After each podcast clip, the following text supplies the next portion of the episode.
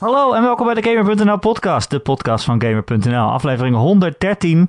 Mijn naam is Erik Nusselder en bij mij, eh, ja, zoals bijna nooit, geen Ron Forstemans. Uh, Nee, hij wilde graag meedoen.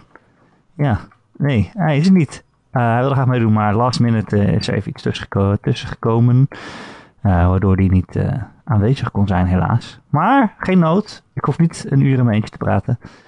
Eh, want eh, ik heb een gast, eh, namelijk onze collega Bastiaan Vroegop. Hey, hallo. Heb je er eigenlijk over Hey. nagedacht dat als ik er niet geweest was, had je natuurlijk ook gewoon twee keer de podcast kunnen opnemen? Dan één keer met je eigen stem en een tweede keer een stemmetje. En dan had je alsnog gewoon niet in je eentje hoeven podcast. Hallo! Had je kunnen doen. ja. Nee, maar super leuk om er weer ja, in lange tijd weer te zijn, geloof ik. ja, dat is wel even geleden dat we jou hadden, hè? Zeg dat. Maar we hebben een goede reden dit keer. Zeker. Want jij hebt er nogal wat uur gestoken in Persona 5. Die komt natuurlijk eh, deze week uit. Ik zeg deze week, maar volgens mij ligt hij overal in de winkels al. Want ik zag hem overal en ik heb hem ook gewoon gekocht gisteren. Dus, eh, nou, ik heb hem ook.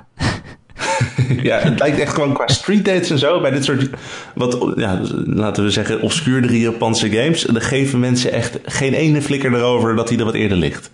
Nee.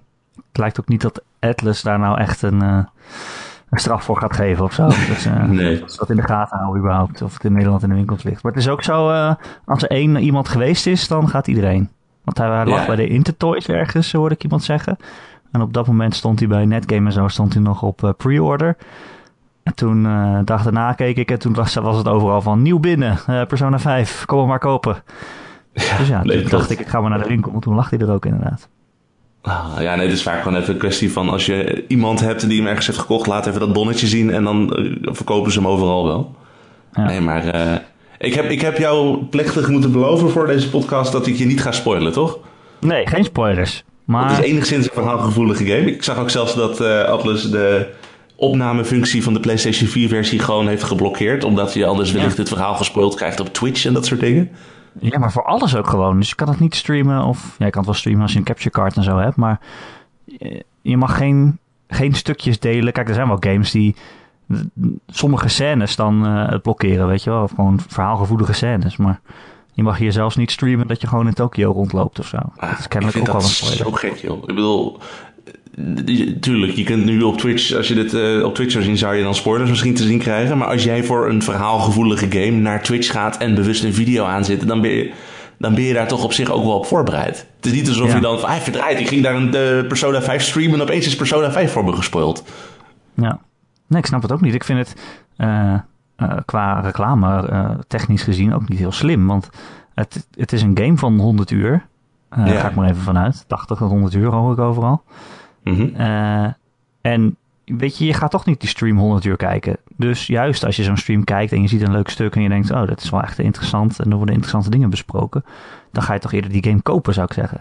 Ja, nee, maar ook als je kijkt hoe zeg maar, die games in elkaar zitten. Ik bedoel, misschien even handig om te zeggen voordat we er wel al te diep in gaan. Maar Persona is dus een JRPG met een ja, ja. levenssimulator daarnaast. Dus je bent een scholier en je leeft een schooljaar. En je kan ervoor kiezen om een kerker in te gaan. Maar je kan er ook voor kiezen om bijvoorbeeld eventjes met je vrienden te gaan hangen in een bar. Of je kan ervoor kiezen om te gaan studeren, zodat je examens goed gaan. En dat hangt allemaal een beetje samen. Dus als je een goede relatie hebt met een eh, partygenoot, eh, omdat je veel hebt gehangen, dan is die in gevecht ook beter. Maar dat is, het ding is, je hebt zeg maar een jaar de tijd steeds. En daardoor is het ook beperkt met wat je allemaal kan doen. Maar da- daarom zou je dus juist denken van... Ik kies er bijvoorbeeld voor om heel veel te studeren vooral. Omdat ik gewoon, ik wil die cijfers goed hebben. En ik ben gewoon die Nerd. primaire statistieken ben ik aan het levelen. Ja, the story of my life. Maar daardoor mis ik weer bepaalde dialogen die ik... Ja, ik, die zou ik eigenlijk heel graag gewoon op in een YouTube filmpje even willen terugzien later. Van nou, wat heb ik gemist? Wat had ik ook kunnen doen? Wat, wat me totaal ontgaan is. En dat kunnen we dus nu ook niet zo makkelijk opzoeken. Dus je moet die game ja, ik vind, hem, ik vind het leuk om hem vijf keer opnieuw uit te spelen. Maar dan komen we toch op de 400, 500 uur uit. Holy shit, nou. Ja, ik weet niet of jij dat hebt liggen. Ik niet zo snel. 500 uur, nee, dat heb ik niet zo snel liggen. Maar jij speelt dus wel Persona precies omgekeerd van hoe ik het speel. Tenminste, Ja, hoe Persona zo? 4 speelde was dat ik de hele tijd dacht, shit, ik moet eigenlijk studeren, want dan ga ik die test tenminste goed maken. Maar al deze pers- personages, al mijn klasgenootjes zijn zo leuk en interessant dat ik gewoon daar tijd mee door wil brengen en met ze wil praten en zo. En dan krijg je ook echt leuke dialogen en dan, eh, ja, wat jij zegt, dan worden ze ook, dus ook sterker in gevechten. Ja, ik probeer wel een beetje een balans te hebben. Ik, ik merk wel dat ik voornamelijk uh, ik, dat studeren, vooral als, als er verhalen zijn van oeh, er komen examens aan, want uh, dat gebeurt dus een paar keer per jaar. Dan ga ik wel echt als een gek zitten blokken opeens. Ja. Maar ja, ik, ik speel het een beetje tegenovergesteld van hoe ik geloof ik mijn schoolperiode heb uh, beleefd. Want daarin studeerde ik ook echt amper. Als ik dan moest studeren, dan was het echt een dag voor dat ik een toets had, ging ik dan nog eventjes een keer een nacht lang blokken. En dan kwam ik net uh, hak over de sloot, kwam ik er doorheen. En misschien is dat ook wel waarom ik het in persona tegenovergesteld doe. Omdat ik nu opeens je staat buiten jezelf. Bedoel, je bent gewoon een speler die naar een personage kijkt. En opeens is het zoveel duidelijker wat op dat punt de betere beslissingen zijn om te maken. ja. Um, even, ik heb de Persona dus net. Ik heb denk ik uh, drie uurtjes gespeeld. Okay. Uh, jij hebt, uh, dus echt het begin is dat. Jij hebt de, de review, een review code gekregen, neem ik aan. Dus jij zit er al wat dieper in. Ja, ik heb een uurtje of 60, 70 uit mijn hoofd. Ik heb mijn PlayStation staat beneden. Dus ik zit ongeveer op 80% had ik het idee. Ik ben ook nog niet helemaal mee klaar. Dat was ook gewoon tijdtechnisch. Met zo'n belachelijk lange game was het net niet te doen voor de review-periode. maar wel een duidelijk beeld van hoe die game in elkaar zit. Maar je kan het einde nog niet spoilen, dat is wel fijn. Kan het einde, nee, ik kan het voor je YouTube. Oh nee, dat kan ook niet. Maar uh, weet je, het eerste wat opvalt is uh, ja, het uiterlijk van het spel. Het ziet er echt belachelijk mooi uit. Heel, heel gestileerd of zo. Ja, hoe moet je dat noemen? Het lijkt wel een, lijkt wel een strip, is dat het? Of een ja, anime? Ja. Het is een beetje alsof bedoel, de game is een soort van... Ja, ik bedoel ook hoe personages zich kleden en hoe de wereld eruit ziet. Het voelt allemaal een beetje als een soort van modestatement. Alsof je naar een hele goed geproduceerde Japanse muziekvideo kijkt of zo. maar de menus, in plaats van dat die inderdaad gewoon strak en minimalistisch zijn, zoals bij de meeste games, zijn die meegestileerd of zo. Dus alles springt inderdaad met, met rare hoeken en contrasterende kleuren, springt het er allemaal uit en zo. Moest jij daaraan wennen eigenlijk toen je net begon? Uh, het is wel een beetje wennen, ja. Kijk, je hoort wel eens mensen praten over goed uh, UI-design en goed, goed, goede menustructuren. Dat je daar niet in verdwaald moet raken en dat dat gewoon duidelijk moet zijn. En het lijkt wel alsof ze hier expres uh, daar helemaal in tegenovergesteld zijn gegaan. Maar dat, dat werkt ook goed. Dus bijvoorbeeld als je naar je, uh, je, equip, je equipment gaat. In plaats van dat je dan gewoon een nieuw minuutje krijgt, dan krijg je in, in een soort van halve seconde een hele animatie waarin je jouw personage ziet en die neemt dan een andere pose aan waarin hij zijn geweer trekt en zo. Dat gaat super snel uh, en heel erg uh, uh, comicboekachtig. Maar ja, het werkt. Het werkt wel goed. Ja, ja. Ik had in het begin echt zo'n sensory overload. Dat ik gewoon het, ja, het is, dan, dan, het wel, ja. ja. dan win je ook een gevecht en dan zie je alle personages en dan schiet er allemaal informatie schiet omhoog. En ik wist gewoon niet meer waar ik moest kijken. Er gebeurde zoveel tegelijk. En maar als je er ja, een uurtje of vijf of tien in zit, dan op dat punt, dan begin je ook wel te weten van, ah, ik moet gewoon daar naar kijken. En dan is het net zo makkelijk als iedere game. Maar in het begin was het echt van, wow, wat gebeurt hier allemaal? Gekkenhuis. Ja, het heeft echt een, echt een heel erg eigen stijl. Dat is wel echt, ja. vind ik wel echt goed, goed gedaan. Er zitten ook helemaal geen, geen rechte lijnen in. Dus dat is dat je ook opgevallen. Ja, Bijvoorbeeld gewoon het, het, vakje om, uh, om dialoogtekst heen is gewoon helemaal schots en scheef. ja, en het is ook... Uh het grappige is ook als je in een gevecht zit. Het is ook niet dat je zoals bij een gewone JRPG dat je dan door minuutjes heen springt door gewoon met de pijltjes en dan op een kruisje als je iets wil kiezen of zo. Het is opeens alle knoppen van je controllers zijn totaal wat anders waar je normaal nooit voor zou gebruiken. En als je dat eenmaal weet, dan ram je er echt razendsnel doorheen, omdat die knoppen gewoon op een snellere plek zitten of zoiets. Maar ja, als je begint is het ook van, wat moet ik nou? Oh, moet ik even goed kijken wat ook weer iedere knop is. En in het begin moet je echt steeds wel even een paar seconden gewoon even pauzeren voordat je weer een zet maakt. Ja. Nou, ik vind het wel echt cool aanzien. En de rest, de rest van de game trouwens ook wel. Ik bedoel, het is niet super... Het zijn nou niet super mooie graphics of zo, dat, het nou, dat je achterovergeslagen wordt. Ja, het is ook nog een PlayStation 3 game officieel, hè? Ja, het, het was natuurlijk... Of, origineel zou het alleen op PlayStation 3 uitkomen. Ja. Dat zie je ook wel een beetje, maar het is ja, zo... Hij is nu op allebei uitgekomen. Dus waarschijnlijk dat hij op de PlayStation 4 daardoor ook niet al te veel afwijkt. Nee, precies. Dat heb je meestal met van die games die uh, beide generaties uh, aandoen. Mm -hmm. Maar het is zo gestileerd en zo, uh, uh, ja, zo anime-achtig.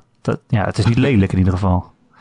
Nee, klopt. Het is, uh, ja, ik denk ook gewoon dat het zeiltje daar gewoon heel erg bij helpt. Ik bedoel, een game heeft ook niet uh, superveel graphics nodig om een, ja, heel mooi te zijn of zo. Als je gewoon heel bewust te werk gaat, en dat doen ze hier gewoon. En dan komt er gewoon iets heel stijlvol schaafs uit. Ik bedoel, dat is ook de reden waarom games met gewoon 8-bit pixels al heel mooi op een eigen manier kunnen zijn. Ja. Maar goed, dat, ja. Maar het is gewoon heel erg vooruitgang, want uh, Persona 4 was natuurlijk een PlayStation 2 game. Ja. En daarna nog eens op de Vita gekomen. Dus het is gewoon al heel lang geleden dat er een Persona was. En daarom lijkt die sprong zo groot. Maar Ja, het ziet er nu, uh, ja. ja. Het ziet er wel nu uit als, eh, eh, nou ja, het, ziet, het ziet eruit als Catherine. Hun vorige game, eh, zeg maar. Die, eh, Ja, dat, Xbox ja, daar heb je wel 360 op zich gelijk in. Dus je woont ook in een bar, dus wat dat betreft zijn Ja. de vergelijkingen heel snel gemaakt. Ik zat ook de eerste keer te kijken, maar waar ken ik dit ook alweer van? Oh ja, dat is die game. Maar het is wel, Ja. ja. ja. Ja, even kijken, ik zit Eh. te denken, want jij zit, eh, jij zit dus inderdaad een uur of drie of zo erin. Ja, dus dat is echt het begin. Eh, nou ja, dit soort games beginnen altijd best wel sloom. Eh, dit ging, ging wel een stuk sneller dan Persona 4, moet ik zeggen. Je zit wel eerder in de, in de actie. Maar uiteindelijk ben je wel natuurlijk bezig met het begin van het verhaal. Eh, kijk, elke persona is een beetje hetzelfde opgebouwd volgens mij. Dat je een, een nieuweling bent die in een nieuwe stad komt en voor het eerst naar een nieuwe school gaat. En daar leer je dan langzaam mensen kennen. En dan ja, moet je dan ook gewoon eh, klassen volgen en zo. En dan eh, ontpopt zich ook nog weer iets kwaadaardigs, waardoor je ook weer kerkers in moet. Ja. Dat is toch een beetje de, de blauwdruk van de Persona game. Ja, wat het Nou ja, idee bij deze game, misschien wel handig om uit te leggen. Het idee van deze game is inderdaad dus dat er zijn ook weer die kerkers. En dat zijn in feite de, ja, een beetje de verwrongen emoties van mensen op bepaalde plekken. Dus de eerste, nou, dit beetje het eerste uur, ik dat ik dit wel enigszins abstract kan zeggen. De de eerste kerker, dat is bijvoorbeeld dan het verwrongen hart van de gymleraar. Die de school zeg maar ziet als zijn koninkrijk. En een beetje denkt dat hij de baas is en dat iedereen maar naar hem moet luisteren. En ja, je gaat dus steeds die, dat hart ga je dan zeg maar steeds in.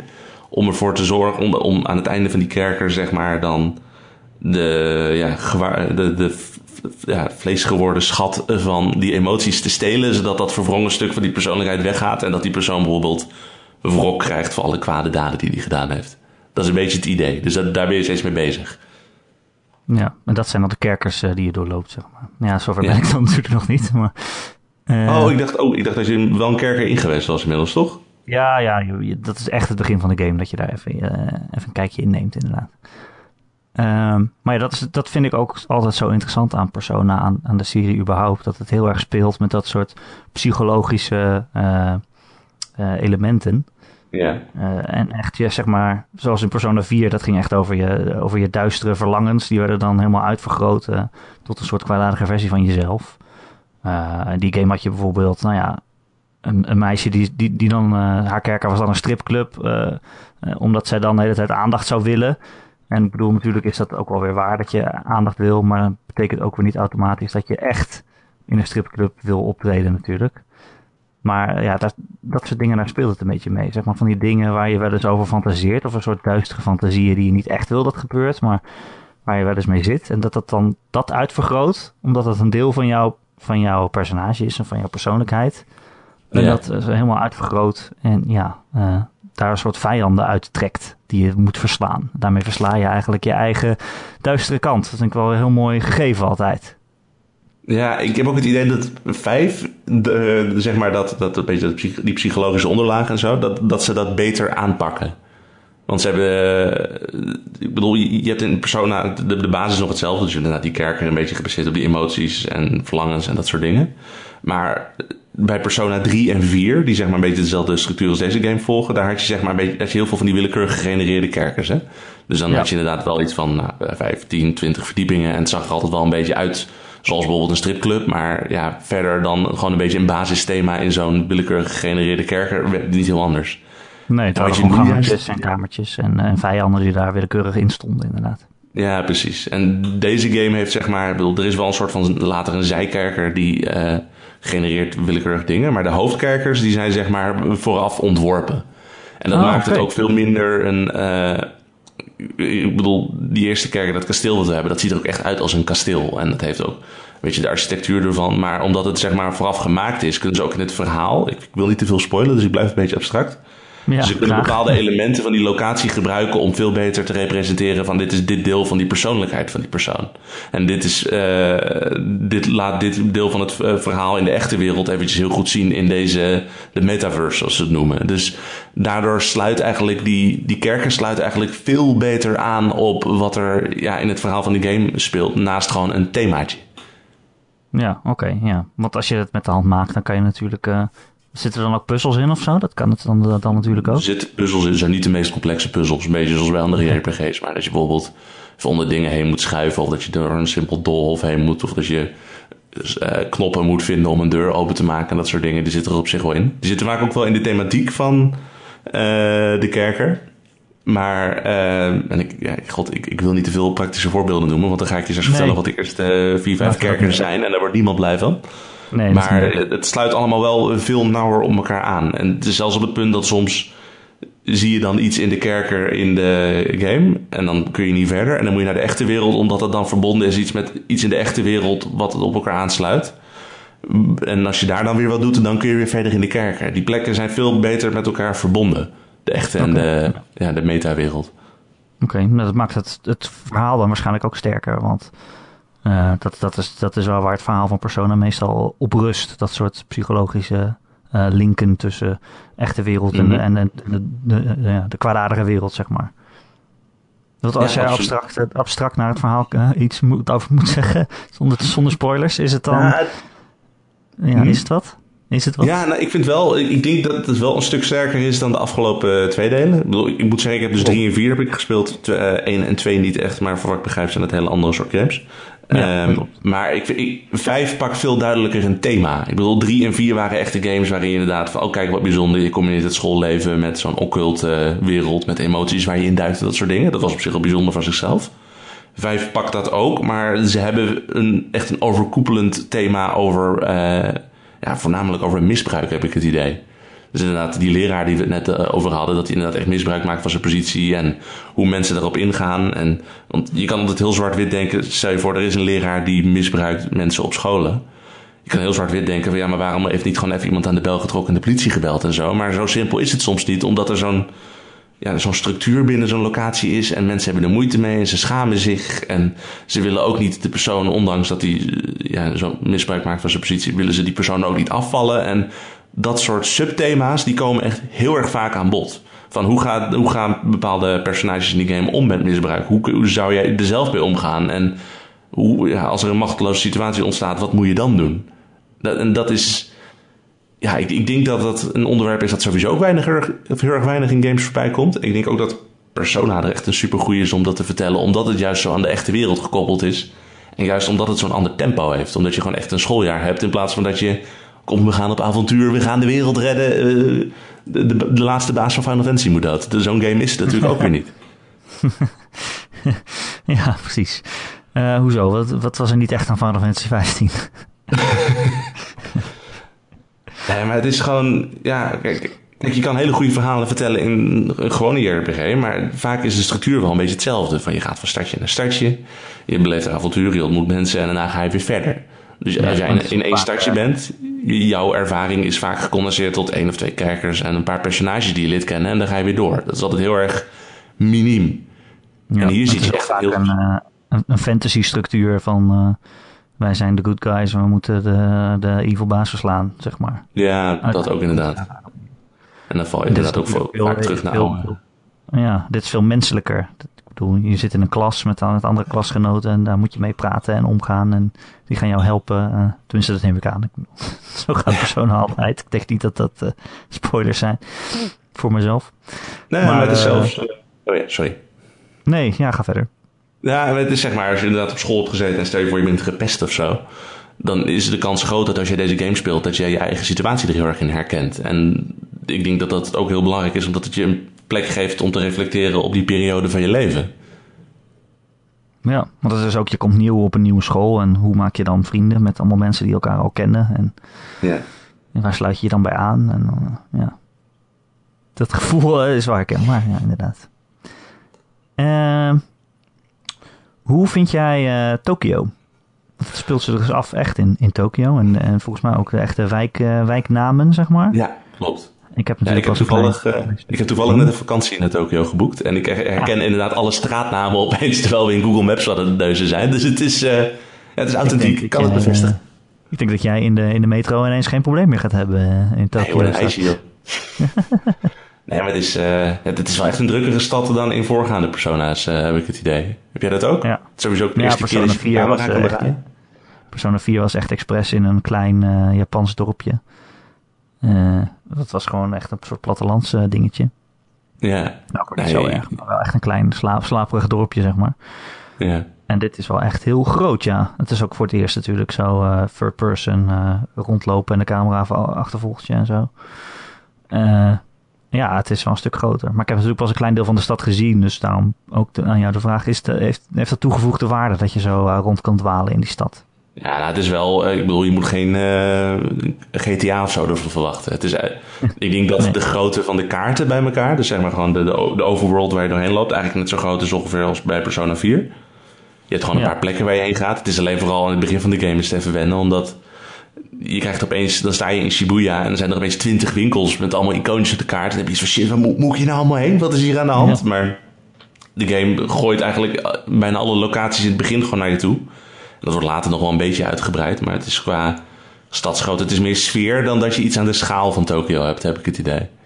Ja, het is niet zo groot natuurlijk. Nee, nee, maar dat zou ook niet te doen zijn, joh. Nou ja, dan wordt het een heel andere game. Dan wordt het een, dan wordt het een sandbox game. Dat is het natuurlijk niet. Ja, nee, precies. echt, Het is, het is nog een beetje, steeds een beetje hetzelfde. En de locaties waar je heen gaat hebben allemaal gewoon een... Het zijn eigenlijk alleen maar plekken die belangrijk zijn in het verhaal. Dus de school waar je heen gaat, de winkelstraat, de straat waar je huis in staat. eh, en ja, het interieur van wat gebouwen. En nog een paar optionele plekken waar je met vrienden naartoe kunt. Maar verder is het niet, eh, het is niet super uitgebreid hoe groot die stad zelf is, zeg maar. Nee, precies. Eh, ik ben wel super blij dat deze game bestaat, man. hij is wel echt... Ik heb, wel, ik heb natuurlijk pas net gespeeld, maar ik heb nu al het gevoel dat hij heel goed is. Heb jij, wat voor cijfer heb jij uiteindelijk gegeven? Ik heb een, ja, een 9 gegeven. Oh, super. Ik twijfelde heel erg tussen een 9 en een 9,5, kan ik wel zeggen. Oh. Ik vond een 10 vond ik wat te gortig. Nou, ik, ik, ik, Persona is voor mij persoonlijk wel echt een hele, fijne, eh, hele goede game. En het ligt me gewoon heel dicht bij het hart. Omdat ja, het heeft mij ook geleerd wat tijdmanagement is. En dat ik niet te veel tegelijkertijd moet proberen.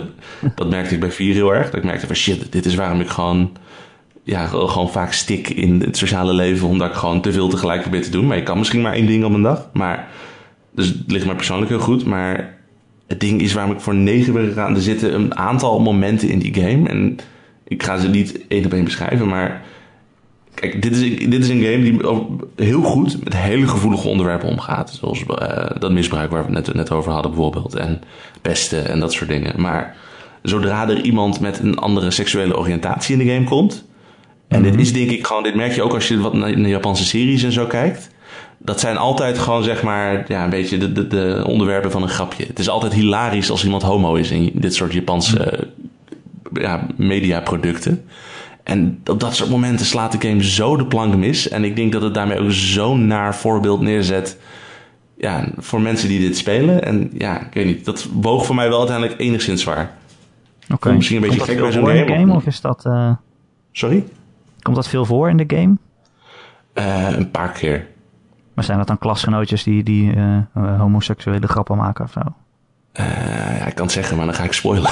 Ja, dus daar wil ik een beetje bij uitkijken. Maar het is... ik weet ook, jammer, 4 had, ik- ging er voor mijn gevoel juist wel goed mee om. Want daar had je een personage dat twijfelde een beetje over zijn geaardheid. Ja, en je had dat een was ook, personage dat... eh, ja, die, die kleedde zich meer als een man. En dat, ja, Ja, spoilers dat- voor dat- Persona 4, maar ja, die game is zo inderdaad. Ja, precies. Als je nu nog niet gespeeld hebt. Nee, je had Ja. daar inderdaad... eh, Haatmail mag naar mij, als mensen boos zijn. God, nou, de naam van die personages kwijt. Het kanji, dat was die, die, die twijfelt over zijn geaardheid. En was een Naoto, stoere, stoere motorbiker, dacht je in het begin. Maar hij bleek inderdaad te twijfelen over zijn geaardheid. En dan had je dat meisje, Na Naoto of zo. ja, Tenminste, eerst denk je dat dat een jongen is, maar dan blijkt dat zijn meisje is die zich verkleedt als jongen. En dat vond ik Ja. altijd grappig inderdaad, dat die kanji, die is in eerste instantie een beetje best wel geïnteresseerd in, in eh, haar. Eh, eh, op het moment dat we nog denken dat het een jongen is en dan later blijkt het een meisje te zijn en dan loopt hij er ook een beetje achteraan te drentelen. En dan, dat fukt al helemaal met zijn, met zijn seksuele oriëntatie. Ja, maar dat, dat, dat subverhaal in Persona 4 wist zo goed zeg maar, zo'n onderwerp aan de kaak te stellen. En het lijkt wel alsof alle vooruitgang die ze met 4 hebben gemaakt, bij 5 weer een beetje naar achter wordt geslagen op, een, op zo'n manier. En Dat is wel. Ik weet niet, het is jammer. En misschien dat het zwaar weegt bij eh, zo'n review, maar ik denk dat Persona juist een game is die zo. Ik wil. de hele RPG-gedeelte is super gaaf hoor. Ik bedoel, kerkers, het gevechtssysteem, daar kunnen we het zo meteen ook nog uitgebreid over hebben. Maar ik denk dat juist de hoofdmoot van deze game juist het verhaal en de thema's is die het behandelt. Omdat het, ja, het is zo'n verhaalgerichte game. Het is ook zoveel leeswerk deze game. En ja, dat, als dat dan zo de plank uh, mislaat, vind ik dat wel iets om bij stil te staan. Ja, nee, dat is jammer. Dat is zeker jammer. Ik bedoel, uh, niet iedere game hoeft per se daar iets nuttigs over te zeggen. Maar als je het dan toch doet, uh, als je het dan toch aansnijdt, dan moet je er natuurlijk niet alleen maar een grap van maken. Ja. Oké, okay. ja, zonde. ja, de combat noemde jij al. Hoe, ja. Hoe gaat dat? Ik heb natuurlijk pas een paar gevechten achter de Ik ga het je vertellen, Erik. Nou, het is van zichzelf natuurlijk gewoon wel een beetje een traditionele RPG. De basis is gewoon van je hebt beurtelingse gevechten. Dus je kiest iedere beurt kies je aanvallen voor je team. Uh, en dan doe jij je klapje, je vijand doet een klapje en dat gaat zo door. Tot er iemand dood is. Het verschil alleen, uh, en dit zat op zich in uh, eh, 4 en 3 ook al. Als, jij, als ik ja, een monster raak met een spreuk waar die zwak voor is, dan, en dan, dan, dan, dan valt hij om en dan mag ik nog een keer een aanval doen. Dus stel je voor, er zijn drie monsters die allemaal zwak zijn tegen, tegen dezelfde spreuk. Dan kan je dus in één beurt drie keer die spreuk doen, liggen ze alle drie om. Als dan alle monsters op de grond liggen, dan kun je nog een soort van super aanval doen om iedereen nog meer schade te doen. Waarmee bij gewone encounters is het gevecht daarna meestal voorbij. En dat zorgt zo, dat is op een bepaald punt zo essentieel om te doen. Tot op het punt dat eigenlijk gevechten meer een beetje, ja, ik bedoel, grinden en level en zo is op zich nog belangrijk. Maar gevechten voelen door zeg maar dat hele misbruiken van het elementsysteem veel meer als puzzels. Van je moet weten wie wat zwak tegen is. Uh, hoe combineer je dat op een effectieve manier om ze op de grond te krijgen. En je bent eigenlijk meer aan het nadenken dan aan het grinden op heel veel punten, heb ik het idee. Ja, maar het is ook, als je een vijand voor het eerst tegenkomt, dan weet je nog niet waar die sterk of zwak tegen is. Uh, Klopt. Je kan dan wel zijn, zijn statistiekpagina bekijken, maar dan staat bij elk element nog een vraagtekentje.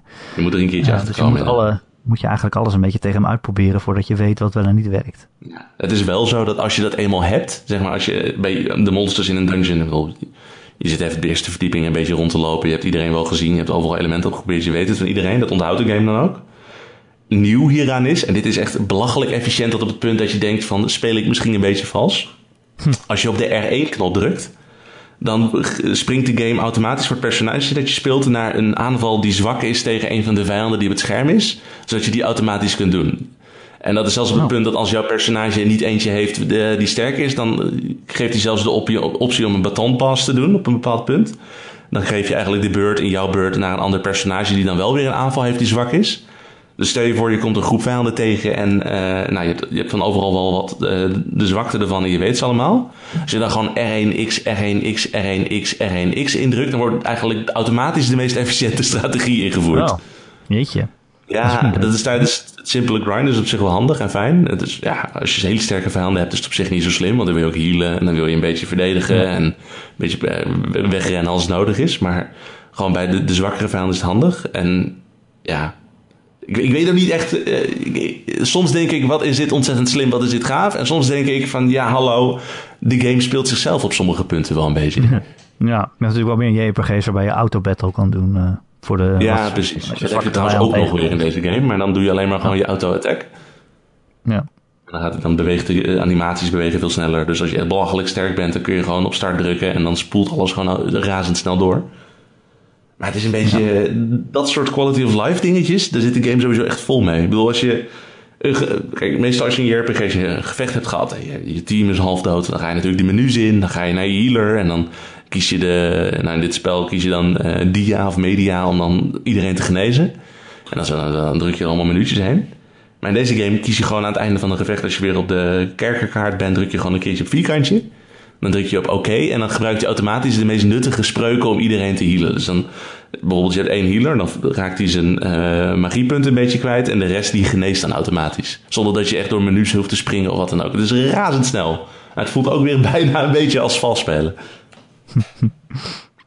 ik vind wel, uh, ik vind het wel bijzonder dat deze game nu uitkomt. Kijk, je hebt zo'n zo'n jaar dat, dat Zelda uitkomt. Hè. Zelda die, die, die breekt er echt een beetje uit alle uh, standaarden van het genre. Uh, die geeft een mhm. hele open wereld zonder enige limieten. Uh, en, en die, ja, die vindt eigenlijk allemaal dingen opnieuw uit. En dan heb je een persona en die, die gaat juist de andere kant op. Die leunt heel erg eh, tegen, de, tegen juist alle standaarden in, het, in zijn genre, in, in de JRPG's.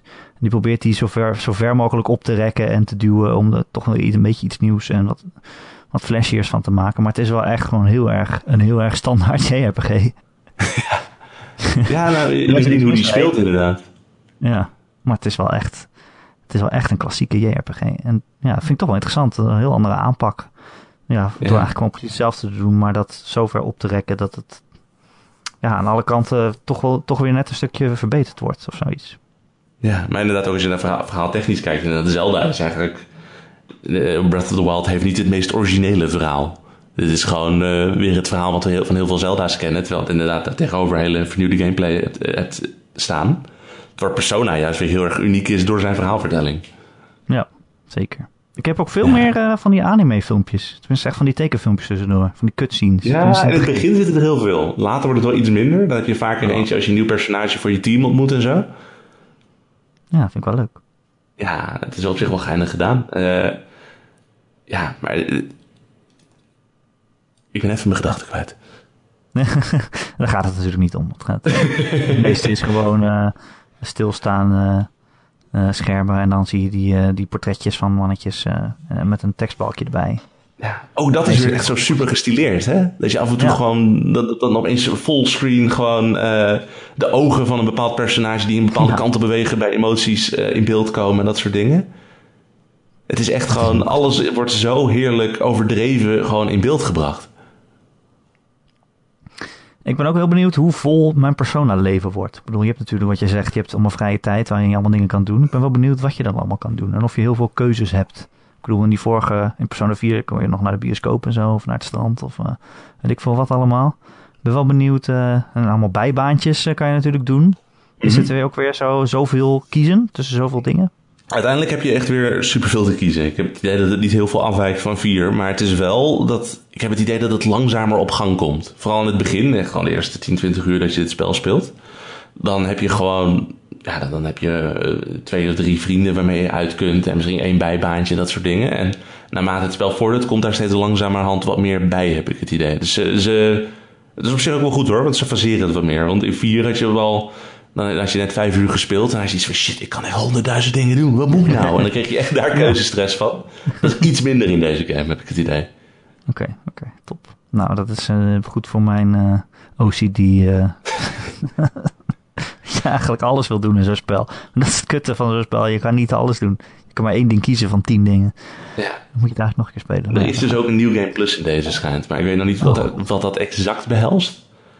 Maar het is natuurlijk echt gewoon, ja, dat heeft mijn OCD. Ik, ik, ik raak altijd wel heel gestrest dat ik dan niet alles in één save game kan doen. Maar als je inderdaad de Ja. mogelijkheid hebt om je personage met, als het maar met je statistieken qua studie en zo mee te nemen.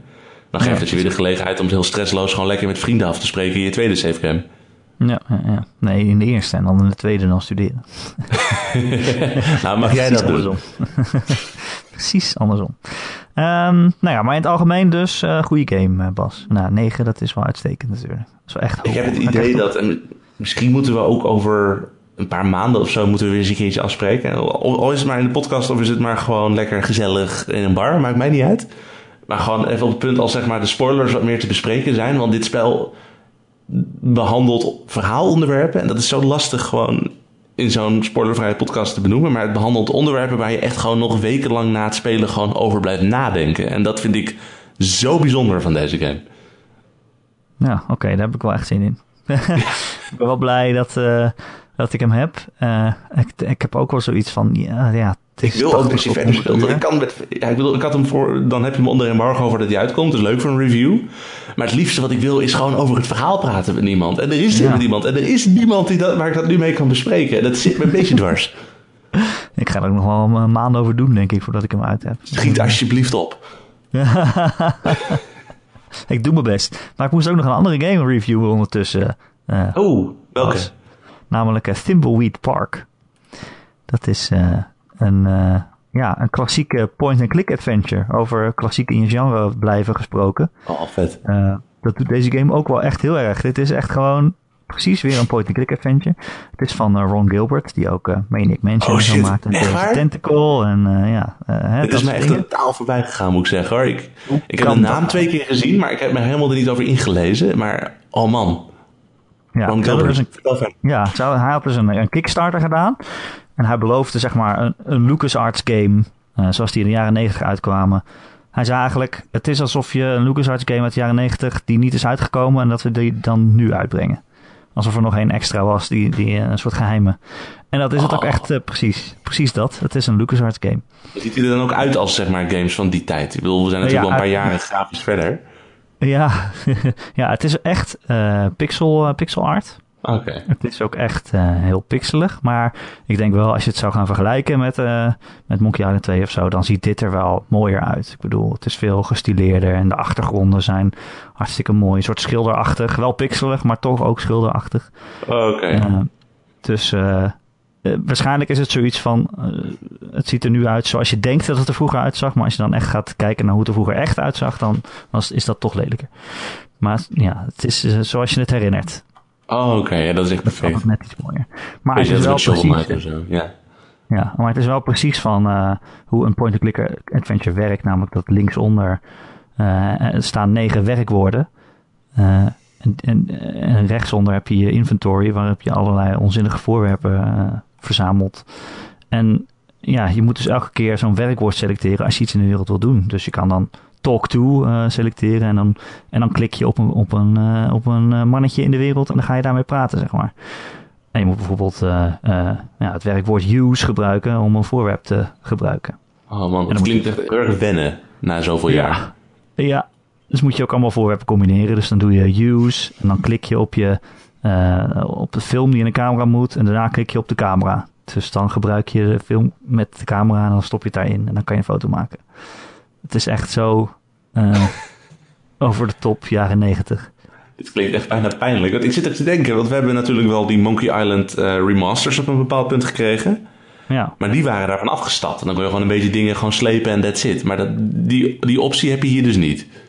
Uh, nee, niet echt. Oh. Ja, het is wel, volgens mij was dat vroeger ook. Dat met de linkermuisknop loop je naar dingen. En met de rechtermuisknop, als je dan ergens op klikt, dan doet hij het meest voor de hand liggende.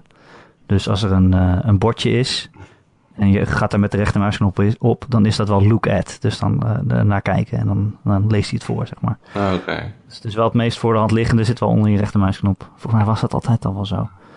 Maar uh, ja, als je echt dingen moet gaan combineren, ja, dan wordt het wel lastig. ja, het is dus heel erg een point-and-click adventure. Dus het is heel erg vaak net onlogische puzzels met net onlogische oplossingen. Je loopt door het, door het dorpje, door Timbleweed Park. En daar is een, een moord gepleegd. En ja, eigenlijk je eerste opdracht is om die op te lossen. En ja, dan moet je gewoon door het hele dorp lopen. Je moet met allemaal mensen praten. Uh, je moet overal voorwerpen oppakken. Ook voorwerpen waarvan je denkt, waar heb ik dat in godesnaam voor nodig? Dus dan ben je in een bad in een, uh, in een wc en dan is daar een toiletrol en dan neem je een stukje, een stukje toiletpapier mee, gewoon omdat dat kan. En dan later blijkt dat je dat inderdaad ergens voor nodig hebt. Ja, dat zijn echt dat soort dingen dat je denkt, wauw, dit is wel heel erg jaren negentig. Zijn van die games die zich een beetje het idee geven van alles in de wereld is met elkaar verbonden. Want het, zelfs het stukje wc-papier dat je ergens kunt vinden, gaat ooit je leven redden. Ja, als je het mee kan nemen, dan moet je dat ook maar doen. en het is ook, uh, dat is ook wel grappig. Het is heel erg het, het verbreekt heel erg de vierde muur de hele tijd. Dus het is de hele tijd okay. heel erg meta en verwijst het naar zichzelf. Bijvoorbeeld, dan heb je een, een, voorwerp in je, in je inventaris en dan klik je erop en dan zegt ze: Oh, dit zal ik aan het eind van de game wel een keer nodig hebben. Uh, ergens in het begin van het spel uh, uh, ga je met mensen praten en dan ineens ontstaat er een discussie over welke vorm van jaren 90 adventure games het, het, het, beste is. Of je dood kan gaan of van die adventure games waarin je niet dood kan gaan. Dat, dat je eigenlijk alleen maar de puzzels moet lossen. Dus daar zitten ze over te discussiëren. want dan praat je met iemand en dan zeg je: oh, oh, dit is best wel vreemd. Ik heb het gevoel dat ik mijn game moet saven. Dat zegt hij dan echt. Dat is dan een dialoogoptie. Dus het is wel op die manier heel erg grappig, weet je, zoals Ron Gilbert wel vaker doet. Ja, het klinkt echt als het schrijven, weet je, de humor inderdaad, van Monkey Island en zo. Wat ook wel ja, precies, het voornaamste is waardoor ik die games nog herinner. Ja, en dat is het ook. Het leukste is om met iedereen te praten en dan zitten er heel erg... Uh, dan moet je dus je antwoorden kiezen. En er zitten heel erg van die grappige antwoorden in. Eh, en ook van die gesprekken die dan veel te lang door kunnen gaan. Weet je wel, dat het steeds bizarder wordt. Wat je natuurlijk in Monkey het ook altijd had. Ja, het is echt heel grappig. Maar uh, dus het, ja, het voordeel is dat het een heel erg jaren 90 adventure is. Het nadeel is ook dat het een heel erg jaren 90 adventure is. Want het is gewoon eigenlijk niet te doen. Je zit zo vaak vast. En dat je, dan moet je daar wel tegen kunnen. Dat je een uur alleen maar aan het rondlopen bent en denken, wat moet ik in godesnaam doen? Je weet wel wat je moet doen, maar je weet niet hoe je het moet doen. En ze hebben ook echt zeg maar, niks geleerd van de afgelopen twintig jaar of zo. Van, oh, dit doen games inmiddels beter, dus misschien moeten we daar nog een beetje gebruik van maken. Nee, nou ja, ze hebben natuurlijk echt beloofd van, daar gaan we weer een adventure maken zoals die toen was. En dat, ze hebben precies dat gedaan. Ja, maar dat, uh, Broken Age was ook een adventure game zoals vroeger, maar dat was wel wat speelbaarder dan dit. Ja, dat was veel, dat was veel speelbaarder. Maar dat betekent niet dat het slecht is hoor. Maar het, ik bedoel meer te zeggen, het is voor een heel specifiek publiek gemaakt. Uh, namelijk het publiek dat alle adventure games van vroeger heeft gespeeld. Er zitten ook allemaal verwijzingen in. Ja, nee, ja, ja, maar echt. Niet alleen fans van het genre, maar het, het, is alleen leuk voor mensen die die games van vroeger ook echt gespeeld hebben. Dit is niet iets wat je nu als een nieuwkomer bij point-and-click adventures wil gaan spelen. Want er zitten ook allemaal grapjes in die verwijzen naar vroegere LucasArts games. Uh, er zit zelfs één personage en haar ambitie is het om om, om, game, uh, om adventure game maker te worden. Uh, en ze wil dan bij een soort stand-in van Lucas Games gaan werken. Mucus Flem noemen ze dat in het spel. ja. En dus zij zit de hele tijd te praten ook over, over die adventure games van vroeger. Dus als je die niet gespeeld hebt, dan zijn die grapjes ook niet leuk. Het is wel gek dat deze game had zonder... Je zei dat het crowdfund was, toch? Ja, klopt, ja deze game had natuurlijk ook nooit bestaan zonder crowdfunding. Want er is geen enkele uitgever die zo dom is om dit te financieren. Van nou, we hebben een idee voor een game die zich specifiek richt op fans van een genre dat commercieel niet succesvol bleek te zijn en daarom al jarenlang niet gebruikt wordt. En het is alleen te begrijpen voor een bepaalde doelgroep van een bepaalde leeftijd die een bepaalde reeks games heeft gespeeld. Ja, ja, dus hoe deze game over 10 jaar of 20 of 50 of 100 jaar herinnerd wordt. Want dan, in, op de lange termijn gaan mensen hier helemaal niks meer van begrijpen. Nee, nee, zeker niet. Nee. Maar uh, als je in die hele kleine doelgroep valt, is het wel echt heel erg leuk. het is heel erg grappig.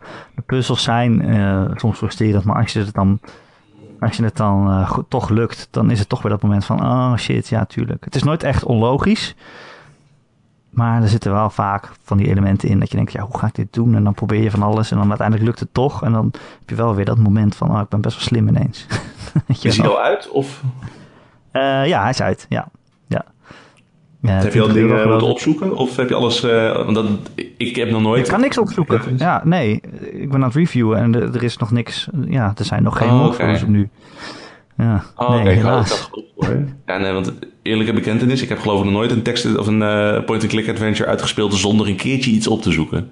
Er zit altijd iets in wat zo obscuur is dat ik er nooit van mijn leven achter kom. Dus ja, god dat ook geen walkthroughs voor jou zijn. Ik, uh, ik zou niet kunnen. Nee, ja, ja, ja, je slipt toch een beetje terug in van hoe je vroeger adventure games speelde. Zo van, het is wel echt even een uur soms echt een uur gewoon rondlopen en alles proberen. En een beetje je hoofd tegen de muur stoten en, uh, en hopen dat het lukt. Maar het fijne is ook wel, kijk, je hebt vijf uh, speelbare personages. En daar kan je op elk moment tussen wisselen. Uh, en ze hebben allemaal een beetje hun eigen dingen die ze moeten doen. Dus als je even één ding niet uitkomt, dan kan je, is er vaak wel iets anders waar je even, even mee bezig kan. zodat je niet gelijk helemaal vast zit als je één ding niet snapt. Maar dat je, ja, kan je even iets anders doen terwijl je over het voorgaan nadenken bent, weet je wel. Er zijn ja, vaak wel meerdere dingen. Het leukste, leukste stukken in het spel zijn uh, als je meerdere personages voor één puzzel nodig hebt. Dus bijvoorbeeld één iemand die is heel ergens anders en die leidt dan iemand af, zodat jij uh, een beetje met zijn spullen kan klooien, weet je wel, zonder dat hij het ziet. Dat zijn wel uh, de leukste dingen. Ah, het klinkt leuk. Als een walkthrough ja. is, ga ik zeker spelen. Ja, maar dan verpest je ook wel weer een beetje het charme van het spel natuurlijk. Ja, nou. nou. Hey, uh, Bas, wist jij dat als mensen iets naar ons willen mailen, dan kan dat. Oh, echt waar? Naar, naar Erik, het, het gamer.nl. Erik met een K. Erik met een K? Ja. Dus dat is E-R-I-K-M-E-T-E-E-N-K at gamer.nl. Ja, precies, ja. Zoiets. Okay. Uh, dat heeft bijvoorbeeld Night Owl gedaan. Dit is de beste mail die ik ooit gezien heb, uh, Bas. Oh, vet. Uh, hij, geeft namelijk, hij zegt namelijk, oh Erik, bij deze antwoord op de vraag die jullie al weken wakker houdt. Ja, Bas, ik weet niet of je weet, Ron en ik, die, we hebben het al een paar weken over Mass Effect natuurlijk. En over het sterrenstelsel Andromeda. Dat dat het dichtstbijzijnde sterrenstelsel is. naast onze. Mm En de vraag ons altijd af hoe groot het dan is. En of we dat ook in voetbalvelden terug kunnen brengen, hoe groot het dan is. Dat is altijd, dat is altijd gewoon een fijn visueel iets dat je weet. Dan kan je een beetje inschatten hoe groot het is. Maar ja, daar komen we natuurlijk nooit achter. Behalve dat Night Owl het voor ons heeft uitgerekend. Oh shit, wat goed. Uh, er zitten 9, 4, 6, 0, 7, 3, 0, 4, 7, 2, 5, 8, 0, 8, 0, 0, 0 meter in één lichtjaar. Het diameter van Andromeda sterrenstelsel is 220 uh, kilo lichtjaar. Dus uh, nou ja, als je dat met elkaar vermenigvuldigt, dan komt daar iets uit. Dat kan ik dan wel even niet voorlezen. en dan deel je dat door uh, 105 meter. Want dat is, zijn de Champions League afmetingen van een voetbalveld. Dat weet iedereen. En dan kom je, komt er een heel groot getal uit met 20 cijfers. Zoveel voetbalvelden zitten met het Andromeda-stelsel. Dan heb het even teruggebracht gelukkig, zodat ik het ook kan voorlezen. Het zijn 19 quintiljoen, 822 quadriljoen, 482 triljoen, 894 miljard, 931 miljoen, 200.000 voetbalvelden. Het is gewoon fijn dat je gewoon een visueel dat middel hebt, waardoor je ongeveer kan in je hoofd kan voorstellen hoe groot het is, weet je wel? Ja, ik kan met heel veel mensen voetballen trouwens, maar jullie zijn echt de beste luisteraars bij deze alvast, hoor. Holy shit. 10 triljoen. Dankjewel, Nightal. Ik ben blij dat we het nu weten. uh, Marky Mark, uh, onze grote podcastvriend. Uh, die heeft ook gereageerd uh, vorige week. Want we hadden het vorige week met Sam uh, over een game sabbatical. Sam die had drie maanden niet, niet gegamed. Tot, totdat hij aan Mass Effect begon. Van laffe sabbatical hoor. Moet je wel minstens een jaar doen. Nou, hallo. Ik vind drie maanden hartstikke lang. Nou, Marky Mark die zegt, ik heb dat zelf ook al eens een maand met opzet gedaan. Niet gamen dus. En ik merkte aan mezelf dat ik er veel actiever door werd. Meer vrienden opzoeken en sporten dan merk je dat gamen een soort default activiteit is die op zo'n manier leuk is dat je minder behoefte hebt aan andere activiteiten. Als je dan een lege avond in je agenda hebt staan, is het in de regel toch makkelijker gewoon de controller te pakken in plaats van een afspraak te maken of iets anders te plannen. Het heeft mij toen bewuster gemaakt over de kosten van gamen en sindsdien ga ik er wat bewuster mee om. Hij is benieuwd of wij uh, vergelijkbare ervaringen hebben gehad. Heb je dat wel eens, oh, Bas, dat je denkt, ik kan vanavond met vrienden afspreken, maar fuck it, ik ga gamen? Nou ja, dat op zich wel. Eigenlijk altijd. Nee, ik heb een beetje de laffige variant van dit. Ik denk dat Marky Mark ook gewoon betere bewustwording van zichzelf heeft dan ik wat dat betreft. Maar ik heb af en toe, dan merk ik dat ik gewoon zoveel gegamed heb dat ik gewoon echt eventjes niks meer kan opstarten. En dan ga ik series kijken en dan blijf ik alsnog binnen de deur. Dus dat betreft is het wel enigszins confronterend dat ik besef, oh ja shit, ik had ook al die tijd met vrienden kunnen afspreken. oh jee. Uh, heb jij dat ooit nog? Nou, ik heb niet... Uh, nou, ik heb eigenlijk nooit dat, dat, dat, dat iemand vraagt wil je afspreken en dat ik dan zeg nee en dat ik dan binnen ga gamen. Want, want dan wordt het een beetje ongezond, denk ik. Maar nee, maar dat, is wel. Ja, maar ik heb, ik heb wel uh, dat het fijn is om lekker in je eentje binnen te gamen. Ja, ik heb gewoon veel tijd voor mezelf nodig. Ik vind dat gewoon fijn. En gamen is gewoon een hele fijne hobby.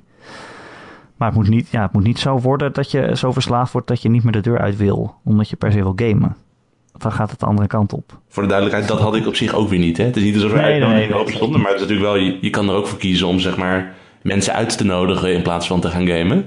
Of gewoon voor te stellen, hey, zullen we even naar de film vanavond? En, ja, precies. Ja, dat, eh, als initiatief, uh, ja, als initiatief bij mij ligt, merk ik wel vaak dat ik eerder gewoon even een avondje uh, even iets ga spelen of zo. Ik wou net zeggen, je belt mij nooit. Nee, jij, maar jij mij ook nooit. ik, denk dat, ik denk dat wij allebei heel veel kunnen leren van Marky Mark. Ja, maar ik heb Persona. ik ben een heel sociaal persoon in Persona 5. Ja. Ga naar de bioscoop en zo in Tokio. Spreek zo vaak af met mijn vrienden. heb jij dat trouwens wel? Dat, wij werken dus allebei. We zijn al een tijdje klaar met studeren.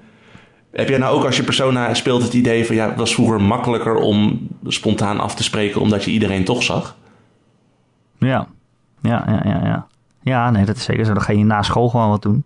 Of na, ja. na hoorcollege of wat dan ook. Uh, en dan ging je dan afspreken. Of je zei zo vanavond gaan doen. Inderdaad, dat is makkelijker dan dat je nu nog helemaal de telefoon moet pakken om iemand te bellen uit het niets. Ja. Uh, ja, dat gaat minder makkelijk, vind ik ook. Ik, maar ik voel het ook, ook bijna een beetje vervelend. Alsof ik mensen tot last ben omdat ik hun, in hun eigen bubbel ga lastigvallen. Terwijl als je op school zit, zit je nog in dezelfde bubbel. Ja. Ja, ik vind ook, ik heb gewoon drukker. Ik heb het gewoon drukker dan vroeger. Ik bedoel, als je werkt 40 uur per week, dan is het gewoon. Uh, en je doet nog podcasts ernaast en games reviewen.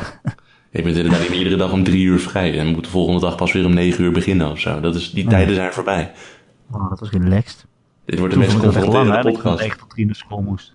Ah. Dat wat, eh, vroeger dacht je, oh, moet ik vandaag wel tot drie uur? Nou, dat is wat. Ja. Maar, maar iedere dag twaalf uur. Ja, Nee, dan joh. woon Dit wordt wel op de 10 meest confronterende podcast ooit. Sorry, Jij dat niet? We missen Ron. Ja, we, we hebben een beetje Brabantse luchtigheid nodig, geloof ik. Het wordt echt heel deprimerend. Want we zijn oud, we hebben nergens meer tijd voor en we zien onze vrienden nooit. Nou, het valt allemaal, allemaal mee hoor. Je moet er gewoon tijd voor maken. Je moet, ik denk het belangrijkste is gewoon om, een- om een balans eh, zelf eh, te zoeken en in stand te houden. Ik bedoel, ik spreek echt gewoon nog af met mensen. En ik heb ook nog echt wel tijd voor mezelf. Maar het- ja, je hebt gewoon wat minder tijd en je moet het wat beter indelen. Dat kan je leren Ja. van Persona gelukkig. Nou, je, zegt het geloof ik als grap, maar dat is wel oprecht iets waar ik door Persona ook weer de laatste tijd over nadenk. Als je, Ja? ja? hoe, hoe, nou, nou heb ik dit personage goed verdeeld, maar hoe is het met mijn eigen leven? nou goed. Nou ja, precies. Eh, over jouw leven gesproken, wat, eh, wat speel je nog meer wat heel erg veel uur kost? Nou, ik speel geloof ik al de afgelopen vier jaar, speel ik eh, zo'n beetje, nou, wel een paar keer per week Final Fantasy 14. ik bedoel maar, over games Ja, die niet, eh, niet weinig tijd kosten We gesproken. hebben ook inmiddels, eh, ik bedoel, ik neem twee wekelijks neem ik ook met eh ja, mede-redacteuren eh, Harry Hol en Erwin Vogelaar nemen we Game Bites op. Nou, toch nooit. We zijn er net nog nooit van gehoord. Jammer dit. Ik dacht dat we zulke goede vrienden waren op podcastgebied, maar kennelijk eh, is het allemaal van één kant. Nee, Nee, maar eh, daar heb ik inmiddels een verbod om over Final Fantasy 14 te praten, omdat die game al zo lang op mijn lijst staat. Ja, bij ons nog niet hoor. Nee, bij jullie, bij, eh, jullie nog niet. Jij hebt hem ook wel eens gespeeld, toch? Ja, ik heb hem eh, gereviewd toen die uitkwam. Eerst op de PC en daarna op PlayStation 4. Dus ik heb gewoon de, ja, de, de, de basisgame, zonder, zonder alle uitbreidingen, heb ik toen best wel veel gespeeld. Ook omdat je dan gewoon de endgame eh, moet zien en zo, voordat je een oordeel kan geven. Ja. Eh, en daarna eh, niet meer teruggegaan eigenlijk. Nou, heel even nog toen Triple Triad erbij kwam, dat kaartspelletje. in, in de casino of zo. dat en is een ja, maand dat- geweest die ik nooit meer terugkrijg. Ja, Dat heb ik zoveel dat- gedaan, jongen. Niet oké. Dat, was, dat was de minigame uit Final Fantasy 8. En dat vond ik toen, toen die uitkwam, Final Fantasy 8, echt de shit. Dat vond ik echt het beste ooit. Dus toen heb ik nog even gespeeld. Maar daarna ben ik niet meer teruggegaan, nee. Is er veel veranderd? Het is, er is zo absurd veel veranderd. Ik denk dat je terug moet komen. Ik denk dat het tijd Ja? is. Ja, ja, maar het is, je noemde net al de Triple Triad. En dat is eigenlijk gewoon een heel goed voorbeeld van hoe die game gewoon de afgelopen jaren steeds veranderd is. Want nou, toen jij hem dus voor het eerst reviewde, toen was het een beetje een standaard MMO. Hè? Dus je had Ja. dat wel een bovengemiddeld goed verhaal. Het is gewoon, voor- vooral als je in de endgame komt, dan gaat het verhaal echt super gaaf. Ook politieke kanten op en zo. Me altijd een beetje denken aan eh, ja, Final Fantasy 12 heb ik altijd een beetje het gevoel ervan. Oh, hou op. Maar eh, verder, ja, dan was er inderdaad een endgame met dungeons en ba- moeilijke bazen om te verslaan. Maar naarmate die game langer is doorontwikkeld, zijn er steeds meer nieuwe soorten dingen bijgekomen om te gaan doen. Dus inderdaad, na Triple Triad, je kunt gewoon een volledig eh, collectible card game kun je binnen die game gaan spelen. Ja. Dus zowel met andere spelers als met NPC's. En er, zijn, ja, er is gewoon een soort van curve, curve voor hoe je daar beter in kunt worden, hoe je nieuwe kaarten kunt sparen en dat soort dingen. Ze hebben, eh, op een bepaald moment hebben ze Chocobo races toegevoegd. En dan kun je dus Wow. je eigen Chocobo trainen en dan moet je steeds weer racen tegen andere spelers. En eh, daar word je ook steeds weer beter in. Zit het Er liedje er ook een, in? eh, Het Chocobo liedje? het, zeker zit de Chocobo liedje erin, jongen.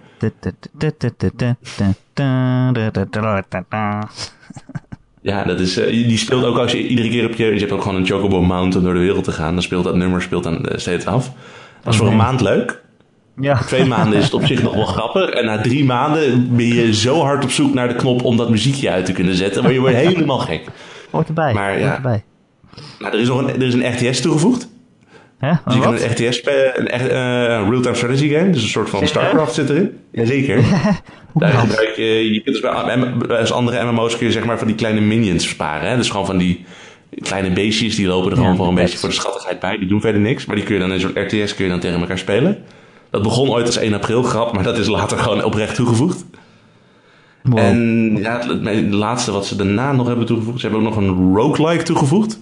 Dus als je met een groep van vier een soort van roguelike dungeon ingaat. En dan begin je weer vanaf level 1 en dan groei je langzaam een level. En als je een keer op een val gaat staan of je gaat dood of zo, dan moet je, nou, als het misgaat, dan moet je weer helemaal opnieuw beginnen. En het is gewoon, er zijn zoveel dingetjes bijgekomen de afgelopen tijd. Het is een bizar brede game geworden, waardoor je zeg maar... Ja, het is een leuke game om te spelen als je gewoon van traditionele MMO's houdt. Maar als je iets hebt van, ik wil graag gewoon lekker alleen maar die RTS spelen, dan is dit ook gewoon een interessante game voor je. Want daar zit ook gewoon genoeg in om je minstens wel even een maandje bezig te houden. Jeetje, echt? Wat bizar. Het is bizar hoe die game groeit. Het is ook echt een van de weinige, ja, naast World of Warcraft, een van de weinige succesvolle eh, MMO's met een abonnementsmodel natuurlijk nog, hè? Ja, dat terwijl die Dus ooit lanceerde als een superkut game. En toen echt gewoon hergelanceerd is als eigenlijk een helemaal nieuwe game met gewoon dezelfde naam, Final Fantasy 14. Ja, Eh, ja. dat is ook absurd geweest. Dat is gewoon zo'n gok voor ze geweest die zo goed heeft afbetaald. Ik bedoel, Ja. de recente, ik geloof dat ze op zoiets van 6 miljoen MM, eh, abonnees zaten. Maar dat baseer ik me op onofficiële cijfers. Dat is een beetje een schatting van eh, een analysewebsite van actieve accounts. Dus ja, gaantje, een, een beetje zout erbij. Dat is de uitspraak ook alweer. En, eh, Korrelzout, neem er een korrelzout bij. Maar eh, ja, we zijn wel op een punt gekomen dat ze ze organiseren nu eens in de zoveel tijd een beetje ja, hun equivalent van BlizzCon, Fanfest. Eh, ik was er laatst nog in Duitsland bij. En daar komen ook weer duizenden mensen op af. En dan iedereen praat er ook in de lingo van die eigen game. En dat is zo. Kijk, heb je, speel jij veel MMO's of niet? Ehm, ik heb er een paar gespeeld. Maar ik ben geen eh super fan. Ik hou niet zo van dat multiplayer gedeelte. Ik, wil, ik, Ah. ik, ik speel een MMO meestal zo lang als dat je het in je eentje kan doen. Ah, kom je ook ver bij best ver in 14. Maar het ding is, ja. Ik bedoel, kijk, ik heb er wel een paar gereviewd. En steeds als je dan in een nieuwe MMO komt... De chat gaat eigenlijk altijd maar over één ding. En dat is hoe die game vergelijkt met World of Warcraft. Iedere MMO op de markt, iedere speler die dat speelt... voelt de neiging om dat spel te vergelijken. Omdat er vaak gewoon... Er is dan niet zo'n groot succes geweest als die game. En mensen gaan er vaak ook weer naar terug... omdat de grootste basis MMO-spelers daar zit. Maar dit spel is op een punt gekomen dat mensen niet eens meer nadenken over die game, maar gewoon puur dit spel spelen. Ze maken zich niet druk over die concurrentie. En je hebt dus een hele grote schare aan spelers die niet gewoon van game naar game springt, maar gewoon al vier jaar dit spel spelen. En dat is zo zeldzaam bij een nieuwe MMO. Dat is echt heel bijzonder. Ja, ik vond het ook echt heel erg leuk toen ik het speelde. Echt heel. eh, ook wel, het heeft wel heel erg standaard MMO-dingen. Maar Ja. ook wel weer. Het is ook wel heel eigen. Ik bedoel, dat Ja. het feit dat je eigenlijk maar één personage nodig hebt. Dat je elke klas eh, kan, kan levelen. Eh, dat je Dat is zo handig, joh. van job eh, verandert. Dat is zo handig. Ja, hoef je nooit een nieuw personage te maken. Ja, maar het is inderdaad, ja, het is van zichzelf gewoon natuurlijk een traditionele hotbar MMO. Dus alle World of Warcraft, Ja. dat je met 1 tot en met 0 op je toetsenbord zit te rammen om die skills eruit te krijgen. Maar tegelijkertijd zit er gewoon echt een verhaal met voice acting in dat je volgt. En dat begint een beetje cliché, maar later gaat het echt interessante kanten op. En het is gewoon... In- Inmiddels zijn we trouwens op het punt dat, eh, omdat, ja, bedoel, het spel is al wat langer uit. Binnenkort komt de tweede uitbreiding uit. Dus ze hebben zeg maar de hoeveelheid benodigde ervaringspunten of eh, hoeveelheid ervaringspunten die je krijgt per quest hebben ze verhoogd. Je kan nu minstens level 50 aantikken, misschien wel 60, dat weet ik niet zeker. Als je alleen maar verhaalmissies doet. Dus hoef je niet eh, een zijdelingse missie van eh, haal drie besjes of eh, ga vijf goblins verslaan. Ik bedoel, die moet je soms voor het verhaal wel doen. Maar je bent constant lineair met dat plot bezig op die manier. Dus je kan hem nu, in ieder geval de eerste game, dus zonder de uitbreidingen, kun je gewoon als een soort van singleplayer Final Fantasy gaan spelen. Ja, daar hou ik van. Fuck al die guilds en andere mensen. Ja, nee, dat, vind ik, dat vind ik altijd wel fijn. Maar dan denk ik uiteindelijk, denk ik dan van waarom ben ik dan eigenlijk een MMO aan het spelen? Dan kan ik beter gewoon een singleplayer game spelen. Ja, is ook zo. Dan betaal je 13 Dus- euro per maand voor een singleplayer game. Dat voelt ook een Ja, beetje precies. zonde ergens. Ja, kan je nu trouwens wel. Achteraf hadden we een haakje om er nu over te praten. Want ze hebben dus vorige week hebben ze de gratis probeerversie van de game aangepast. Daarmee kon je vroeger twee weken de game proberen. En ze hebben het nu Ja. zo gemaakt dat je zeg maar tot level 35 gewoon gratis kan proberen. Voor een onbeperkte hoeveelheid tijd. En ja, je- omdat je dus ook alle classes op één personage hebt. Je, je kan in theorie gewoon helemaal gratis gewoon alles naar level 35 halen. En daarna nog eens een keer beslissen van ja, wil ik eigenlijk betalen om verder te gaan. En dan zit echt tot level 35 ben je al 10, 20, 30 uur misschien bezig in het begin. Ja, zeker. Dan kan ik nog elke klas doen. Dus, eh. Precies. Het is, je kan het spel zo lekker uitproberen nu, zonder dat je ook gewoon die tijdslimiet eh, voelt. Ik moet zeggen, van wat ik van, van weet ook nog, dat hij op eh, PlayStation 4 ook heel goed speelde voor een MMO. Dat dat heel goed werkt. Het is natuurlijk echt een hotbar dat je eigenlijk al heel veel knopjes nodig hebt. Maar eh, dan zaten alle knoppen zaten, eh, onder, of tenminste alle, alle skills zaten onder en je 4 plus druktoets en je, en je vier knoppen. En dan kon je ook nog een trigger inhouden en dan zaten daar ook nog weer een nieuwe set skills in. Dus dan kon je Ja. op zich wel meer dan 30 eh, vaardigheden kan je er wel on- onder je knoppen kwijt. Kan Ja, inderdaad echt al makkelijk alles kwijt. Wij hebben, Ja. ik speel zelf met toetsenbord. Ik probeer met de controller te liggen spelen, zodat ik zeg maar beneden ook kan spelen. Want we hebben nu een huis met daadwerkelijk twee verdiepingen. Dus nu heb ik iets van, ja, ik wil soms ook bij de hond zijn. Dus laten we dat even doen. Maar ik heb, uh, mijn vriendin en ik, die, ja, super nerdy. Wij raiden. Nou, super Oh, nerdy. Ik echt? zit in de gamer podcast, dus dat kan je gewoon zeggen. Eh, en onze mede, een van onze healers, die speelt gewoon met de controller. En die speelt echt op competitief hoog niveau. Die zit echt in de, ja, in de top 100 van de beste healers, geloof ik, op onze server wel. Moet ik, even, moet ik even opzoeken, maar hij, of hij scoort heel goed. En dat is gewoon met de controller. Dus hij doet echt totaal niet onder, dat is het punt, aan een toetsenbord spelen. Oké, Dus dat nee, ja, nee. Dat is bijzonder voor. Wat leuk, je gaat samen met je vriendin eh, speel je Final Fantasy 14. Ja, zeker. Dat is echt. eh, ja, al- we spelen allebei al sinds 1.0, dus echt die geflopte versie of zo. En het is. eh, Ja. ik, ik, ik weet ook niet of ik zou willen raiden, zeg maar, als gewoon werkend persoon als mijn vriendin niet meedeed. Want je bent wel twee, drie avonden in de week op zo, of zo kwijt. En het lijkt me ook wat als je dan thuis komt en even samen eet en dan in je eentje naar boven verdwijnt. Ja. Dat zou ik wel heel ongezellig vinden. Dus ik vind het wel must dat we het zeg maar op die manier even samen doen. Maar ja, zij, is, eh, ja, zij speelt een, eh, een scholar, dus zij is een genezer en ik ben een ninja. Hoeha. Zeker. Nou, leuk. Eh, Lachen man. Ja, lachen.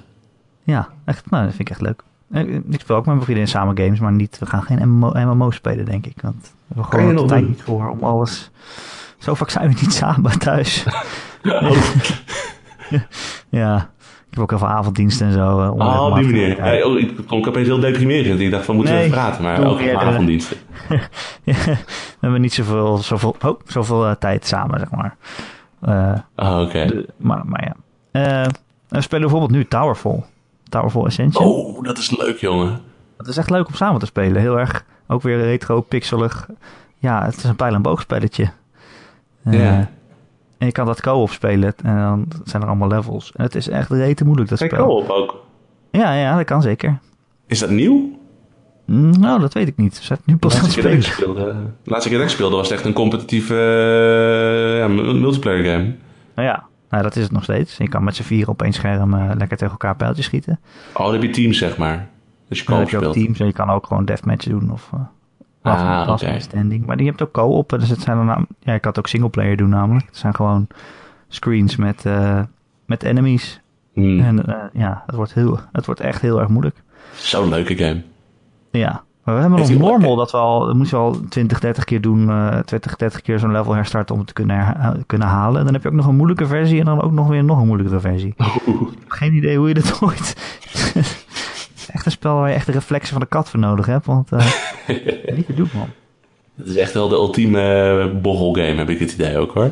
Ja, ja, dat Als je is gewoon vier controllers en nou echt vier mensen hebt, dan heb je ook steeds weer zo'n slow motion replay waarin je dan precies ziet hoe iemand bijvoorbeeld perfecte timing een pijl uit de lucht vangt om jou weer ermee dood te schieten. Ja, oh, dat is ook leuk, ja. Ik heb zo hard gelachen met die game, joh. Volgende week gaan we ook weer hard lachen, want dan is er weer een nieuwe aflevering van de Gamer.nl podcast. Namelijk eh, elke maandagochtend kun je die eh, vinden op onze website Gamer.nl. Kan je hem eh, downloaden direct. Of nou ja, luisteren via Soundcloud of via YouTube. Of je kan je abonneren op allerlei podcast apps. Nou ja, Pocketcast en zo op je Android. Of gewoon via iTunes. En als je daar toch bent, dan vinden we het ook heel fijn als je een keer een review achterlaat. Ik kan een aantal sterretjes aangeven en een tekstje erbij Vijf, zetten. Eh, ja, vijf, dat is het maximum aantal dat we kunnen verdienen. En, Ook een minimum, aantal natuurlijk. Dank u. Eh, en als je dat doet, dat is heel fijn voor ons, want dan zijn we weer beter vindbaar voor eh, nieuwe luisteraars. En dan staan we hoger in de toplijst dan Gamebytes, natuurlijk ook belangrijk. Oh nee, geef één ster, één ster, één ster. Maak ze kapot. Ehm, heb je een vraag eh, of een opmerking voor de podcast? Dan kan je mij mailen erik.gamer.nl, erik met een k.gamer.nl. Of je laat gewoon je reactie onder eh, in de comments op maandagochtend eh, waar je deze podcast vindt in dat artikel. Dan kun je gewoon eh, lekker reacties achterlaten. Dan kan je ook de hele week terugkomen, want we zijn daar vaak wel een beetje aan het chatten. Vorige week hadden we het bijvoorbeeld over Mass Effect. En er zijn ook mensen die dat niet zo'n kut game vinden. Dus dat kan natuurlijk gewoon. Nou ja, even voor de duidelijkheid. hè, We hebben nooit gezegd dat Mass Effect Andromeda echt een slechte game is. Er is gewoon heel veel mis mee. Maar volgens mij is het uiteindelijk nog best wel oké. denk ik. Ik heb het niet gespeeld, maar... Volgens mij was dat de Ik heb hem ook niet gespeeld, maar ik wil best zeggen dat het een kut game is. Daar heb ik geen probleem mee. het is een kut game. Ja, dat is gewoon niet zo goed als Mass Effect, begrijp ik. Nou, weet je, ja, ik heb het al gezegd. Ik wacht gewoon tot, eh, tot, die, tot die dood gepatcht is. vis ik hem een keer voor halve prijs ergens vandaan. Is het niet gewoon een beetje eh, zoals met Star Wars? Ik bedoel, dat- toen de prequels uitkwamen, dat waren op zich ook niet goede films en die waren kut. Maar ja, als die als losstaande gewoon een beetje jolige Hollywood films zonder Star Wars uit waren gekomen, waren ze misschien wel minder hard kapot Ik gemaakt. weet niet hoor. Die waren wel echt het is slecht. wel echt gewoon hoog niveau om te halen hoor. Ja, ja. Maar ik vind ook dat als je, de- als je niet denkt dat je dat kan halen, dan moet je ook niet die serie weer tot leven wekken. Ja, Ik is bedoel, ook zo. moet dan iets anders. Het is logistiek natuurlijk ook gewoon een lastige game. Ik bedoel, een totaal nieuwe studio heeft hem gemaakt. Ze moeten nu ineens allemaal die Frostbite engine en zo gebruiken. Ik snap op Ja. zich wel dat het qua ontwikkeling dat het stroef gelopen is, maar... Nou goed, Noem het dan iets anders. Nou ja. Ja. Moet het dan weer Mass Effect zijn? Nou ja, het is wel met al die personages natuurlijk. Maar ja, het is gewoon eh, zonde dan. ja. Nou, vooral dat het, als het schrijfwerk inderdaad slecht is, wat iedereen dus zegt. Dat is gewoon het, zonde, het meest zonde eraan. Omdat dat juist zo goed was in Mass Effect. Eigenlijk speel ik het alleen daarvoor. Dus als dat dan niet in orde is, dan... Nou ja. Maar je moet je zo bedenken, joh. Hoeveel beter was Mass Effect 2 na Mass Effect 1? Misschien gaan we dat nu wel weer meemaken en is Andromeda 2 gewoon een hele redelijke game. Ja, kan. dat zou kunnen. Ik, eh, na Persona kom ik er wel een keer aan toe, joh. Over een jaartje of drie. ja, precies. Eh Bas, dankjewel dat je te gast wilde zijn. Nou, jij bedankt. En Ron ook bedankt. Bedankt Ron. Ik weet niet waarvoor. Bedankt voor het luisteren Ron. Ron, als je luistert, jij bent de stralende ster in mijn Andromeda sterrenstelsel. Eh, het sterrenstelsel van 19 eh, triljoen, eh, wat was het ook alweer? Ja, hoeveel voetbalvelden is Ron als ster? Hoeveel voetbalvelden is Ron? Ja. Nou, Als, ster- als, hij, als hij die ster is, ik weet niet hoe groot één ster in dat sterrenstelsel ongeveer is, maar dan heb ik een idee van hoe groot Ron is in dit zoetsappig momentje van jou. Ik kan zeggen Ron is een stralende ster, maar dan zeg je ook wel weer dat hij vol gas zit eigenlijk. Hè? Ja, lastig. Laten we afsluiten, Oké, laten we dat voordat het nog moeilijker wordt. Tot volgende week.